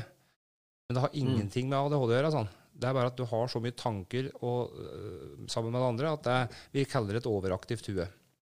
Når du da har fylt opp sekken din, da, som du har på ryggen og nakken din, den styggen på ryggen, den begynte å bli fylt opp fra barndommen med feilmedisineringer og diverse ting som skjedde der, Eh, og den har aldri blitt åpna opp i bunn og tømt ut av. Det har bare blitt lassa og stappa i hendelser og opplevelser og ting og tang. Eh, hvor du på en måte har eh, kompensert med å være snartenkt, løsningsorientert og, og, tenkt langt fram i tid. På, altså, du møter folk, og du vet nesten hva de skal si før du møter dem, for du har gått gjennom hele samtalen i huet ditt. Sånn at når de møter deg, så opplever de deg som fraværende, for at du er lenger fram i setninga og, og, og i tid enn det de folka du møter. Og så treffer du veldig godt på de lignende de personene du møter som har ADHD. For de er nemlig oppe der en plass, de òg. Så du, du, du, eh, er på samme frekvensen som dem. Så at du samtaler bedre med, med, folk som har kraftig ADHD, eller mm. er rusa så de er høye. Da finner du greia di, og så henger du det på. Uh, og, da, og, og, da, sånn at, og hvis du da kombinerer det med hard rusmiddelbruk, en kriminell, eh, kriminell atferd, så får du en som er altfor smart for sitt eget beste. Nemlig. og da eh, heiste søsteren seg fram på stolkanten og så uh, titta på legen og så sa 'Hva er det som feilen da?' Det har jeg akkurat svart på, sånn. Mm. Jeg har ikke noen diagnose til altså, Han er fullt oppe og går på alle mulige måter. Det er bare at han vet ikke hvordan han skal håndtere det. For han har ikke vært det. Han har ikke lært seg de tinga fra barndommen av. Han har vært borte. Ta så Gå gjennom den utredningen, og så plukker du ut de tingene som du er bra på. Jeg kan sende av Dave, for jeg orker ikke. Jeg klarer, Nei, jeg orker ikke. Men i hvert fall, um, hvorfor jeg foreslo også å ta en sånn funksjonsutredning, da, det er jo de tingene som du sa der. Når jeg gikk gjennom den, så så jeg noe av det samme. Bortsett fra at jeg ikke kan skryte på meg å være like smart eller like rask. Men eh, det var en god del ting der som jeg var veldig god på. Skikkelig god. Helt i toppsjiktet. Og så var det en del andre ting som jeg var helt i, lav, helt i lavsjiktet på. Og med å få sortert de tingene der, så så jeg at en del av de tingene som jeg har blitt målt på gjennom skolen opp gjennom åra, det var jo de tingene jeg var dårlig på. Mm. Og de tingene jeg var god på. Som f.eks. å finne ut ting ut av store sammenhenger, finne essensen i tekst. Eller ja, lage ting. Ikke fysisk, vel å merke, men dra ut ting. Og så finne feilsøking og alt sånne ting. Var dritgod på. Rettskriving, not so much. Matematikk, om mulig enda verre. Så da ble det sånn kjempesprik mellom de. Men jeg så at når jeg så det der, så så jeg at hvis jeg skal ha muligheten til å ha et godt liv, så er jeg nødt til å bare få vekk alt av det som ikke funker. Og så gjør jeg mer av det jeg er god på, og det jeg liker. Og det er stort sett det jeg har gjort i 13 år. Jeg prøvde meg litt som regnskapsfører òg, for meg sjøl. Eh, ikke lurt. Det er ikke bra. Men med at du får oversikt over de tingene der, da ser du at uh, det som er bra, det skal du anerkjenne. Mm. Det er gaver og ferdigheter som du har med deg. Og uansett hva andre måtte mene om det, liksom drit i det. Det er viktig for deg at du er med. Og så er det minst like viktig at du legger opp livet ditt sånn at du får stimulert deg for de tingene. Mm. Og da er det ikke tanken eh, som foredragsholder helt UF-en, altså. Hva, hva, tenker du at uh, Tre ting ifra nå som kan hjelpe deg og så få til uh, enda bedre helse? Tre ting på helsebiten. Tre ting på helsebiten? Ja, og tre, jeg skal lene det inn, for du har gitt så mye nå at hvis noen hadde tatt seg tid til å snakke med deg sånn Det er ikke sikkert at du har vært like ryddig og fin i tankegangen i starten, da, bare så jeg har sagt. Og så skal du ta runde det ned, så jeg får helt klart ut hva du mener at du trenger. Og ut fra det så kunne vi sett hva vi kan tilby. Og så kunne veien ha blitt tatt videre ut. Da har vi tatt grådig lang tid på det, bare så sagt, og vi kjenner hverandre i tillegg. Men hvis ting blir gjort på en sånn måte at vi møter andre, så går ting mye fortere. Og det tar lang tid i førsten, og sånn, men vi sparer sinnssykt mye tid etterpå. Mm. De to første timene er kanskje de viktigste? Det er det viktigste. For det er ingen som har lyst til å bruke tida på å sitte og lure på Nav hvis de har, lyst, hvis de har mulighet til å slippe det. Hvis det er gjort grundig først, så er det som kanskje en telefon, og så er alt på stell. Jeg så jo minimalt til Nav-kontoret på Sankthanshaugen den perioden jeg var der.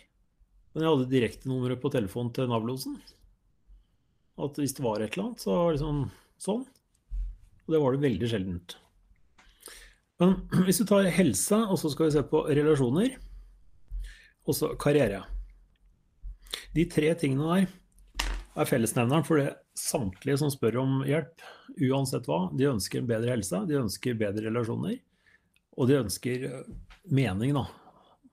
Gjennom karriere, altså gjøre et eller annet. Så hva er det som ville gjort helsesituasjonen bedre for deg nå? Hvis jeg skulle ønske meg det jeg ville eh, Hvorfor ikke? Uh, og det er ikke det med sagt at det er det jeg krever.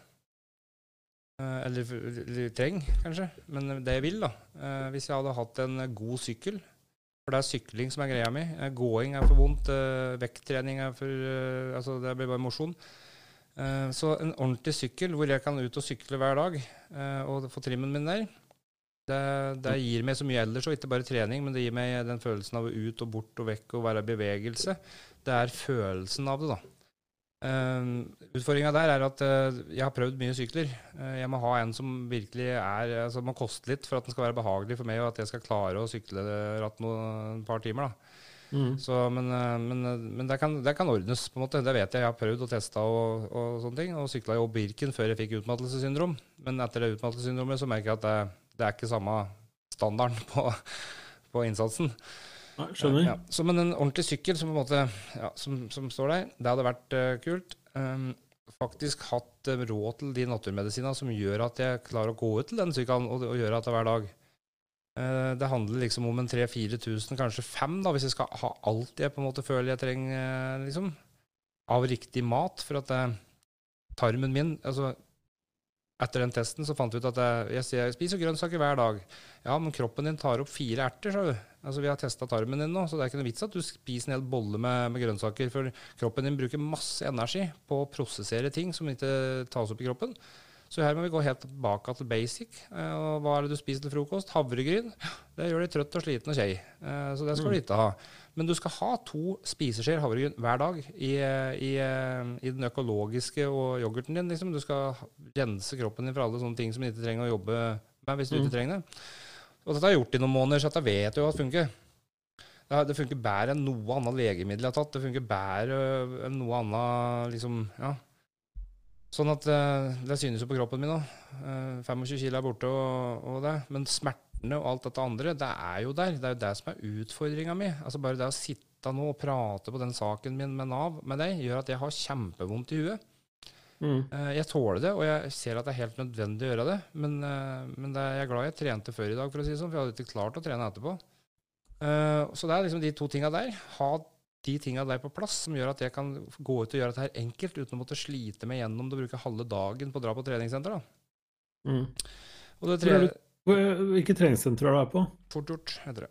Og det liker jeg pga. at jeg, der har jeg med meg han kameraten min som er i studio her. Han jobber der, sånn at jeg kan få prata litt sånn der mental uh, Han er jo PT og, og, og har noen sånne sjølutviklingskurs, sånn at vi er på, litt på nett. da. Jeg føler meg veldig hjemme der. Mm. Så det er, det er, en trygg plass, vil vi si. Jepp. Good. Så hva var det siste du spurte om? Det var ah, Ikke den siste. Relasjoner. Mm. Det første jeg tenker på, da, det er eh, relasjonen din til deg. Hvordan ja, Du sa den fantastiske tilbakemeldinga du har. når jeg snakka om selvtillit, selvfølelse og den biten. Og den er skammelig høy, var det ikke det du sa? Skamfullt høy. Skamfullt høy, ja. Det handler jo om at, uh, at jeg alltid har trua på meg sjøl, og tror at jeg klarer mye mer enn jeg egentlig klarer. Strålende. Godt oppdratt, tenker jeg da. Ja, det er det. Olof, Vent litt, da. Du sa et eller annet i stad om at um, du var ikke så veldig god til å ta imot ros. Jeg, jeg, er veldig god i forhold til det jeg var, da. Ja.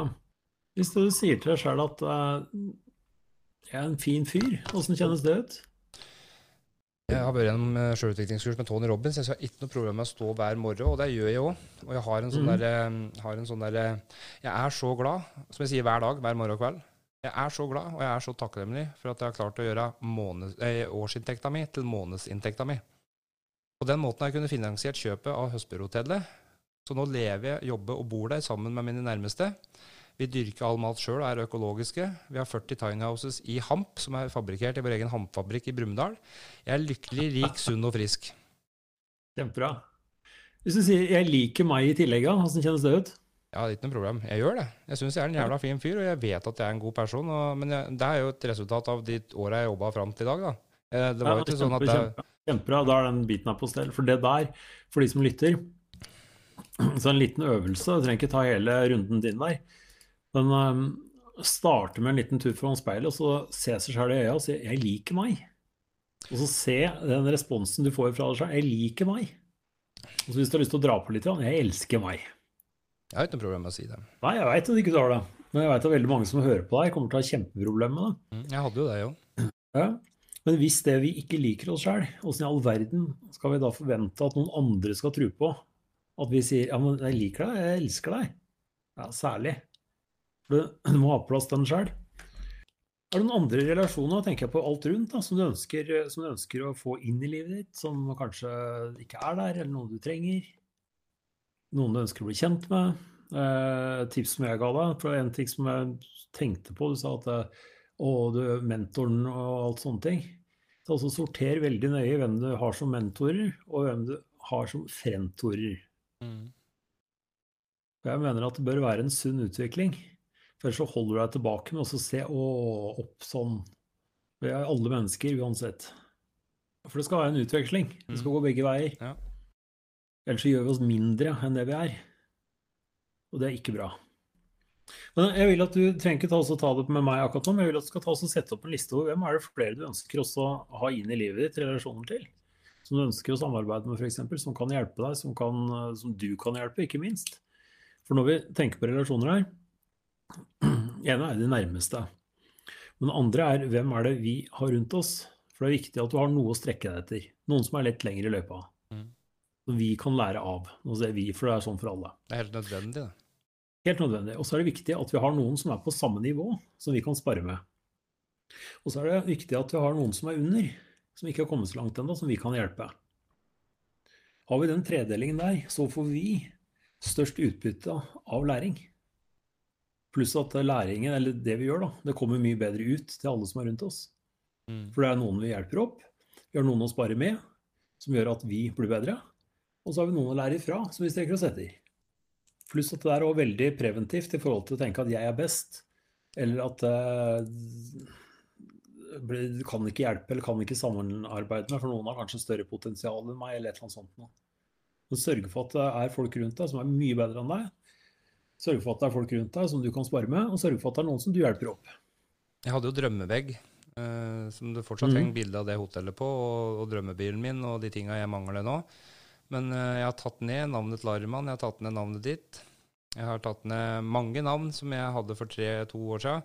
Som jeg har liksom sagt eh, både til Anita og familien min, jeg, og Mikael Winger, ikke minst. Eh, altså Jeg fortalte høyt til familien min, og de flirer jo av meg. Altså Jeg skal bli bestevenn med Mikael Winger fra Åndenes makt. Jeg ser for at jeg, jeg, Han har noe jeg trenger, og så tror jeg at jeg, føler at han trenger en prat med meg. Eh, så sa jeg det samme om, eh, om Arman òg, at det er en fyr jeg, kan, eh, kan connecte med. Her er det en som, som, som jeg tror på en måte er riktig for meg, da, og som jeg tror at eh, han kan se nytta i meg og reisa mi i sitt arbeid.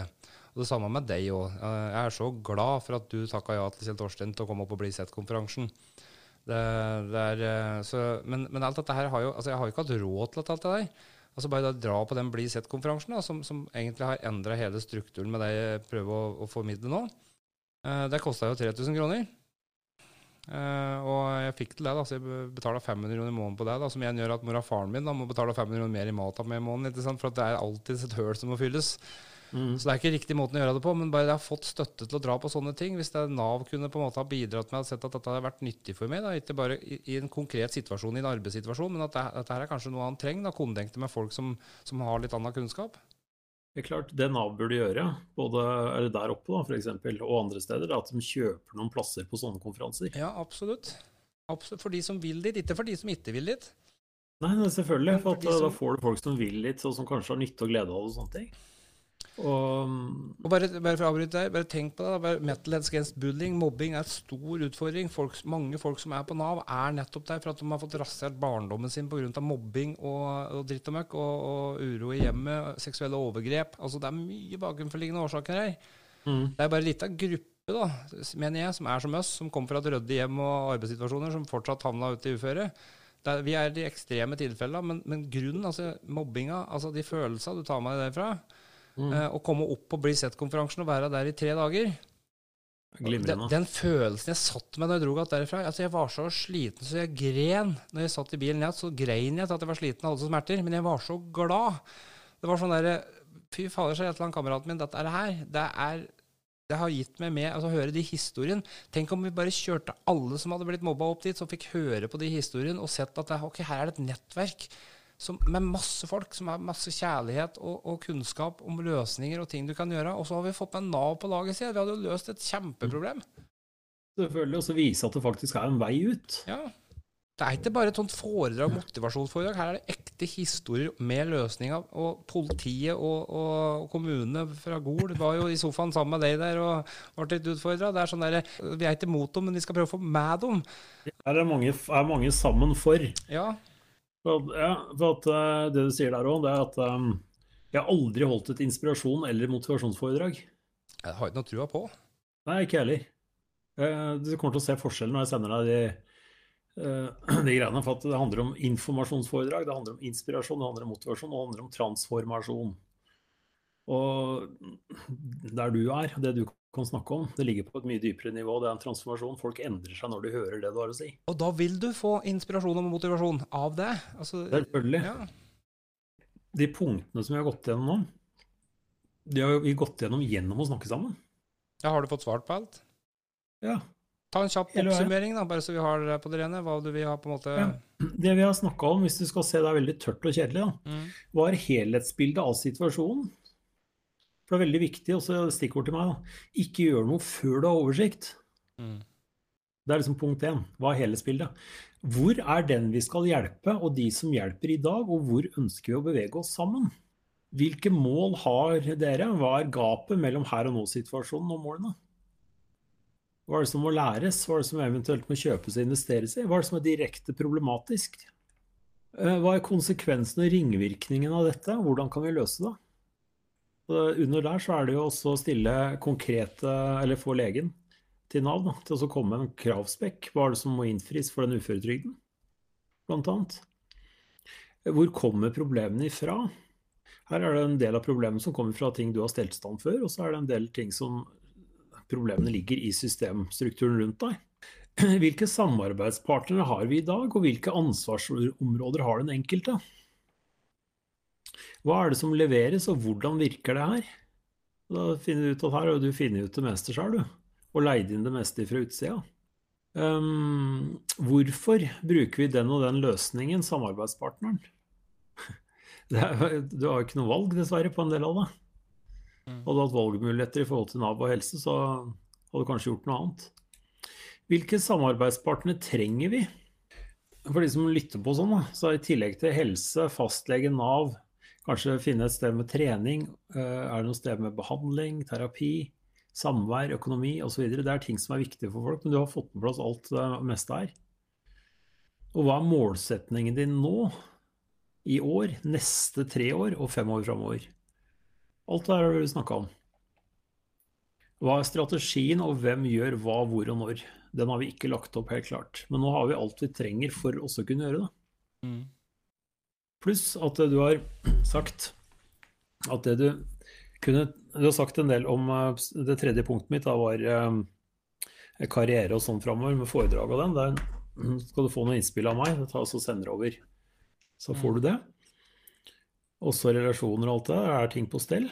Helsebiten? Jo, det ville vært fint hvis du får på plass en sykkel. Og mm, en ting jeg ville gjort hvis jeg var deg, det er også å finne er det mulig å få en sponsor. Er det noen som kunne være interessert i å få noe reklame eller noe sånt, så er jo du driver en podkast. Du har en fantastisk historie. Du er en veldig bra fyr som hjelper masse mennesker. Er det noe som kanskje noen har lyst til? Og så kan jeg gi deg et tips hvis du ikke har sett um, den videoen hvor um, Brian Rose har kjent med han. Nei. Nei, bare skriv ned. Brian Rose og John Joseph. Og så googler du dem på Eller du sjekker dem på YouTube. Uh, Brian Rose har en podkast, uh, London Real. Og John Joseph han uh, har en bakgrunn à la det vi har, bare ganger 100 fra New York. Og har vært er det ti ganger Ironman og sånt nå. Så han utfordrer Rose da, til også å gjennomføre en Ironman. Så bare ta sjekk eh, hva han snakker om, hvordan han snakker om trening, og ikke minst sykling. Og hvordan han fikk på plass sykkel til Brian. For Der er det noe som du kanskje kunne snappe opp der. Mm, kanskje er det noen som hører på det nå, som har mulighet til å hjelpe deg på en eller annen måte i forhold til sykkel. Mm. Kanskje er det noen som hører på nå i forhold til uh, treningskort. Uh, 500 kroner i måneden er ikke mye, altså. Men når du ikke har noen ting, så er 500 kroner jævlig mye. da.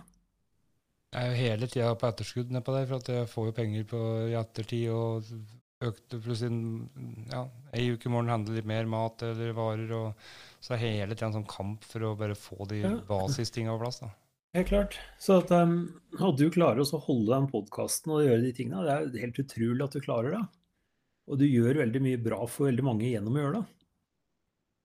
Ja, det er, og det, er liksom, det, det, jeg kjenner på nå, da, er litt den frykten for For at jeg, jeg, jeg får ofte høre av mutter'n og de som kjenner meg, at jeg, jeg virker mye mer eh, ressurssterk da, eh, enn jeg er. For at jeg, når jeg sitter her nå, så renner svetta nedover ryggen på meg. Mm. Eh, jeg begynner å bli litt sånn her i øya og sliten og kjenne det, at jeg har ikke energi. Ja. Og, og, og, det, og, det, er ikke noe problem, for det er ikke noe farlig. ikke sant? Jeg ser fargen i ansiktet mitt, jeg blir litt ildrød. For at det koster så mye, dette her. Og dette her, for at dette her, dagen her, er, dette her er de dager jeg er vant til. Når jeg prata med deg sist, så hadde jeg en meget god dag. og Alt klaffa. Det er den ene dagen som bare gjør at det er verdt å fortsette med det. For du bare vet at den kommer igjen. Ja, det var jo helt rå levering da, fra deg der. Og så liksom Vi hadde jo noen kaffepauser og noen tissepauser og alt sånne ting, så det var jo ikke at vi satt sånn konstant. Men allikevel, at jeg klarte å gjennomføre det, det er jo bare helt utrolig. Og, det er fantastisk. Men, men, det, men det, det ikke ser, det er hva som skjedde etterpå. Eh, det, de to dager etterpå da, som, måte, som, jeg måtte være helt for meg sjøl, som eh, Anita ikke når inn til meg. Vi har ikke de gode samtaler. Eh, og, og, at jeg må gå ned til studio og sette meg her og bare meditere og være for meg sjøl og klikke litt på PC-en og, og, sånne ting. Det ser dere ikke. Ikke sant?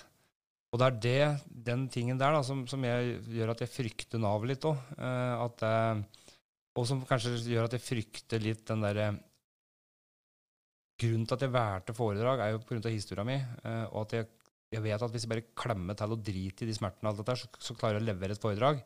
Men det koster meg så mye at resten av uka må planlegges både i forkant og etterkant. Eh, hvis jeg skal reise en plass, sitte på tog i to timer, bare det, altså, da er jeg sliten når jeg kommer fram. Jeg klarer å holde et foredrag da. Altså det, det, er så mye da, som er sånne ting. sånn at jeg, jeg tenker at det, vi, må, vi, må, være realistiske her òg. Eh, men jeg tenker med, med, det jeg har lært da, Jeg har reist til Trondheim for å, for å, for å besøke Arman. og, og, og, og, da tok vi en podkast oppi der. Eh, og å sitte på toget opp dit og sånn, det, det, skjer ikke alt, for å si det sånn. For jeg, jeg måtte ha en dag å komme meg igjen på. Han måtte legge meg inn på et hotell oppi der. For jeg, jeg, klarte ikke å sitte oppreist engang. Sånn at jeg, ok, hva var det der lærte meg, da? Og Arman betalte jo hele reisa for meg, for han, han ville ha med podkasten sin, så han, han casha jo ut av dette. Uh, og da føler jeg at jeg, ok, jeg må jo levere litt her òg. Men, uh, men det jeg skulle fram til, da, var at ok, hva lærte jeg da? Jo, hvis jeg skal dra på et foredrag litt unna, så har jeg nødt til å ha tre dager. Det er ikke snakk om én dag. Jeg er nødt til å ha en dag å reise på, og så er jeg nødt til å ha en dag å lande på, hvor jeg skal ha foredraget den dagen. Så jeg våkner uthvilt, jeg er i seng og har, jeg har alt klart. Jeg må også ha den dagen etterpå, kanskje, uh, når jeg kommer hjem igjen, eller før jeg drar hjem òg. Sånn at men det er jo gjennomførbart, hvis jeg, hvis jeg, klarer å gjøre det. Men det koster mer penger, det koster mer tid, det koster mer planlegging, alt dette, men det er jo gjennomførbart. Jeg så Arman drog to foredrag på én dag her. Ett i Trondheim eller langt oppi lia, og så eh, Lillehammer. Så han er jo et rivjern. Det, det, det, er jo det som har vært drømmen min, å kunne gjort det samme. Altså, og hatt energien til det. Men det handler ikke om å være like god som alle andre. Det handler om å være best på sitt område og på sin historie og på sine ting, og levere det som er nødvendig, på den måten som er uh, bra nok uh, helsemessig og forsvarlig for meg. da. Helt klart. Nå har vi fått opp hva som er måla dine, hva som er planen din. Nå handler det om å legge til rette sånn at det blir en realitet. Ja, men jeg er jo livredd for å sitte og prate på dette her nå. Altså, nesten så skal jeg legge ut denne podkasten her før de har fått tatt en avgjørelse på om jeg skal gi meg uføretrygd. For eh, hvis noen av dem hører dette her Men det kan jo være at det er nettopp den podkasten her som gjør at de ser deg. Ja, men jeg er villig til å gamble øh, uføretrygden min på det, liksom. Altså, det er, det er så skummelt. Jeg, jeg, altså, det er ikke sikkert de gjør det. For at det her handler jo om drømmer. Det handler faktisk ikke om hva jeg får til. Altså, det, det handler jo faktisk om hva drømmene mine er. Så det er jo det som er Mm. grunnen her, eller grunnlaget her. Men jeg, ja, jeg vet ikke. Det er, det er veldig vondt system. Det er et system jeg føler på Jeg er både redd og, og er avhengig av på samme tida. Mm. Sånn er det for veldig mange. Men jeg tror at også, eh, altså jeg har vært så mye skitt ellers i livet, da, så jeg har bare lyst til å bare rive ut denne podkasten og bare si altså, at det her er sånn det er. At det det jeg prøvde prøvd å fortelle til i så mange år, liksom, og dette kunne ha vært løsbart på en veldig enkel måte for lenge siden, men nå er lufta ute av ballongen, og her handler det om å få inn igjen såpass luft at den reiser seg igjen, liksom. Og ikke, ta, og ikke ta bort flere ting nå, vær så snill. Nei, jeg tenker at uh, det her er det som skal til for oss å få de på rett stell. Da. Ja, jeg, jeg håper det, da. Ehm, For hvis jeg blir på en måte, jeg har sett for meg da, hvis jeg ikke får den uføretrygden nå, hva da? Uh, Da har jeg tenkt at eh, vet du hva, da går jeg rett på sosialstønad, jeg. Og så blir jeg psykiatrisk pasient. Eh, Da betaler de strømregninga mi, de betaler husleia mi, de betaler alt, og så sitter jeg med en porsjon penger til overs, og så bare driter jeg i den gjelda, og så er jeg bare sosialklient resten av livet. Dårlig alternativ, men jeg kjenner um, Jeg kjenner problemstillingen. Uh, skal vi ta altså runden av, for da er det sånn spiselig tid på det. Mm. Ikke drar den ut i en tretimers nå. Liksom. Det, er- det klarer jeg ikke i dag. Altså, jeg, jeg klarer ikke engang å sette meg ned og redigere noe etterpå. For at Den, den slutten som vi fikk på plass nå, jeg tenker at det er situasjonen som du er i, som du har opplevd, det er bare så drøyt, da. Og så har du takla og håndtert det så fint så langt. Så om ikke du skal få den hjelpa som trengs for å komme deg på beina igjen, det er helt utrolig. Og om det av en eller annen merkelig grunn ikke skulle gå, så har du liksom to timer og tolv minutters dokumentasjon da, som han godeste Holte kan få på bordet sitt eh, for oss å se hvordan det står til i egen organisasjon. For vi starta med å si at i Nav så er alt mulig. Og jeg velger å tro at det faktisk er mulig å få til det aller meste der òg. Ja, det er ikke noe usant i den uttalelsen der, hvis du bare, hvis du, hvis du bare vil. Nå, ikke bare vi vil, men at alle må ville.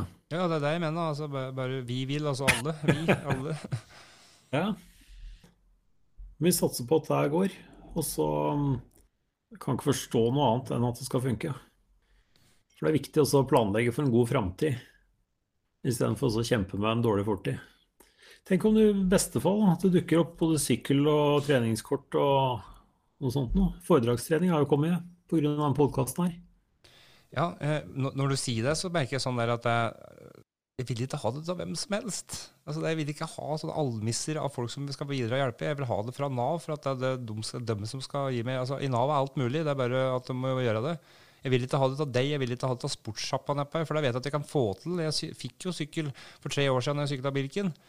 Av dem. Så, jeg, jeg vet at det er sånne ting, men jeg vil ikke ha det. Jeg vil ikke, jeg vil ikke ha det av. Jeg vil ha, jeg vil ha det for at det, det, dem har trua på meg. Dem som på en måte har ja, eller at de ser det. Jeg vil ikke ha det av noen andre, egentlig. Altså, for det, det, det, det føles ikke riktig.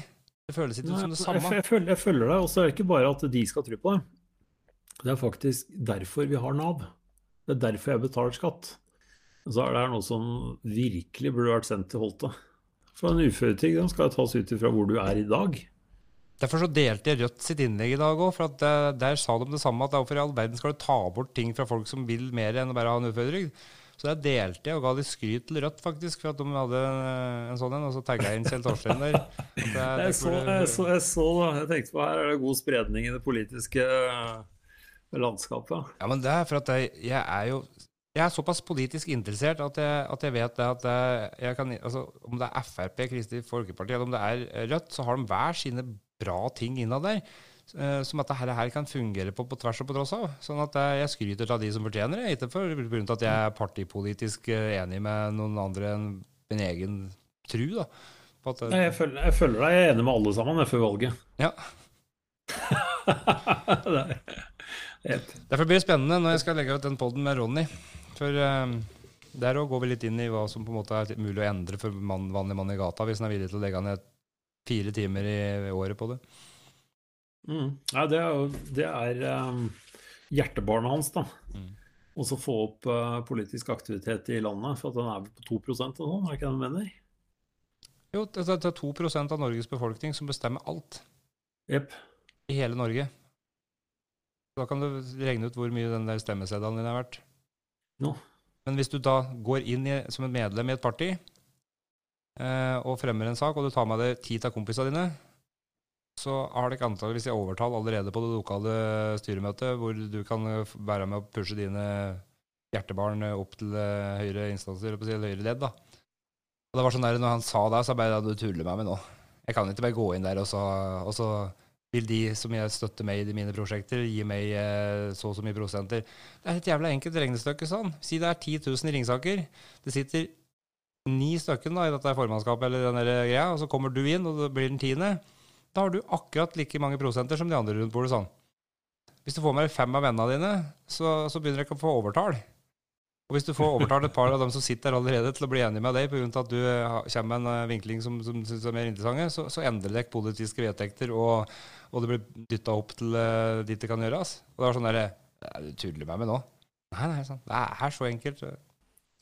Tusen takk for tid, for tillit, for å slippe meg til. Det er jeg som skal takke her, altså. Det- Nei, dette her blir bra. OK, Takk skal du ha. likeså. Ha det bra.